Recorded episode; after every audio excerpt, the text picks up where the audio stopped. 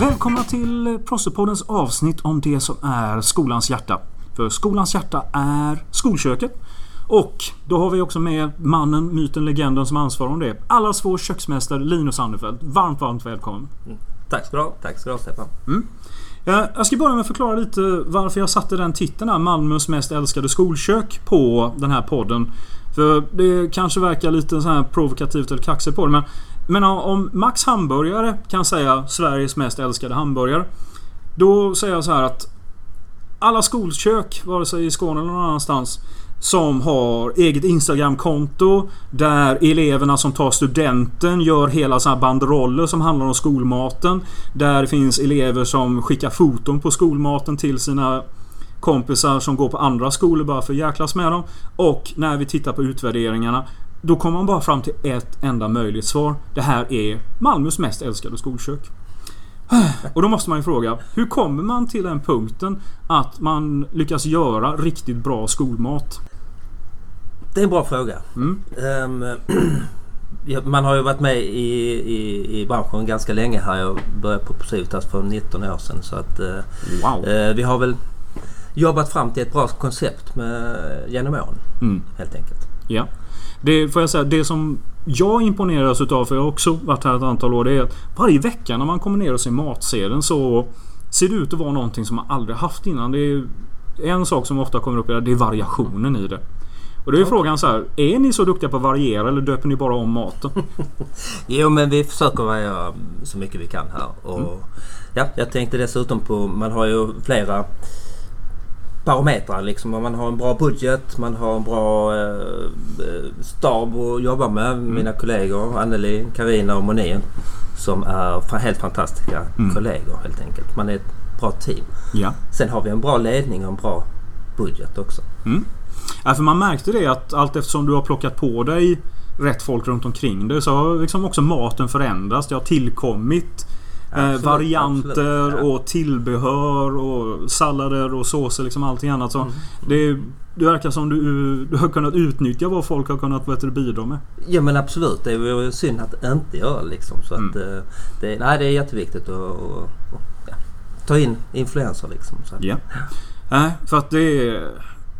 Man tänker så här 19 år tillbaka att... eh, Är det en, serverar man annorlunda mat nu än vad man gjorde i början på sin karriär? Du, absolut, absolut. Dels Okej. har ju tiderna förändrats ju Ja. och kulturen har förändrats rätt mycket. Och, Men där är ju intressant. Vad är det för mat som, är helt, som var inne när du började men som är helt ute nu?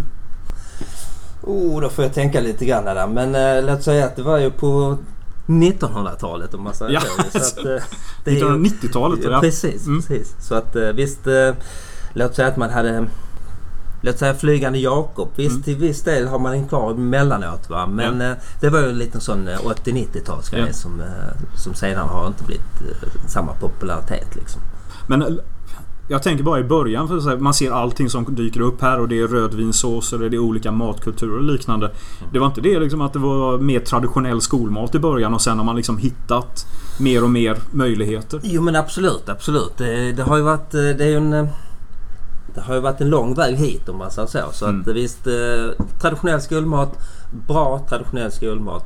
Sen kom, eh, tyckte Peter att eh, vi skulle höja den, Peter Corné då som är en av eh, ägarna, dåvarande ägare. Eh, att vi skulle höja nivån ett snäpp och därför så, ja. Så, så, så, så gjorde vi det helt Mm. enkelt och så la vi till lite, lite mer spännande mat helt enkelt. Ja. Så att, eh, ehm, ja, Mm. sen har vi gått därifrån helt enkelt. Ja.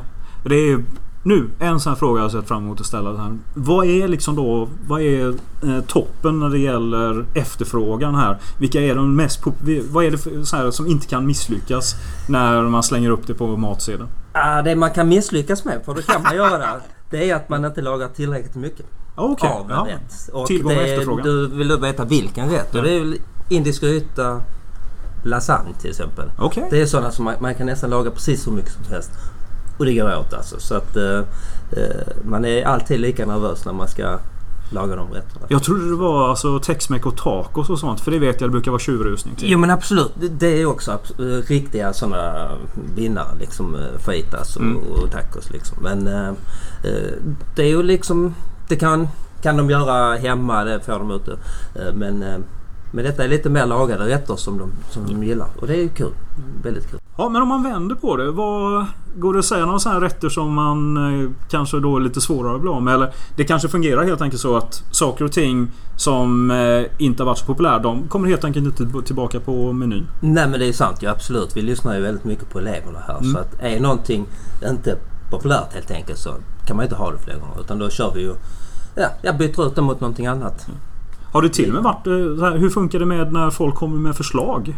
Absolut alltså. Det är, det är många som har kommit med förslag. Och vi, eh, finns, de, finns det möjlighet att genomföra dem? Mm. Så absolut. Jag gladeligen, eh, gladeligen tar jag emot förslag från både lärare och elever. Bara Ja. det går att genomföra.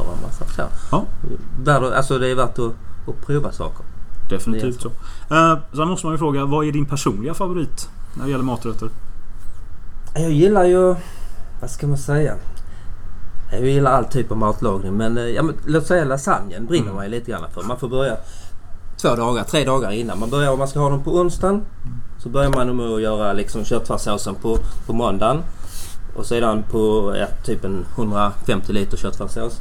Och sedan kör man en bechamel på tisdagen. Mm. Eh, samtidigt som man gör de andra maträtterna ju, som man ska ha den dagen. Ju. Men då får man göra kanske en 120 liter bechamel.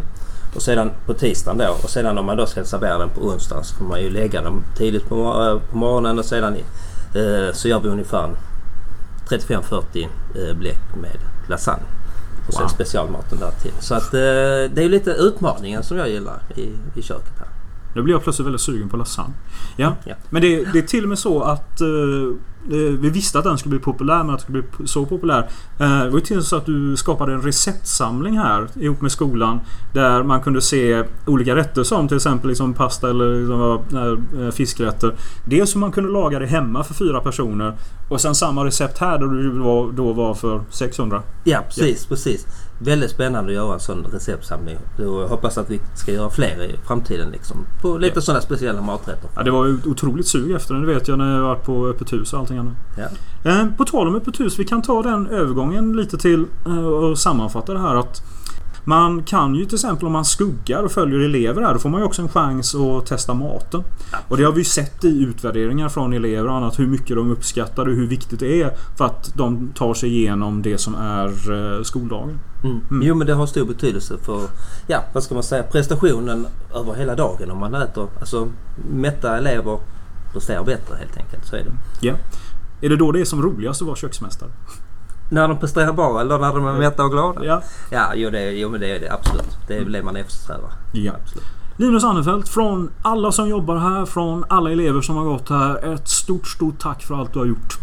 Tack Stefan.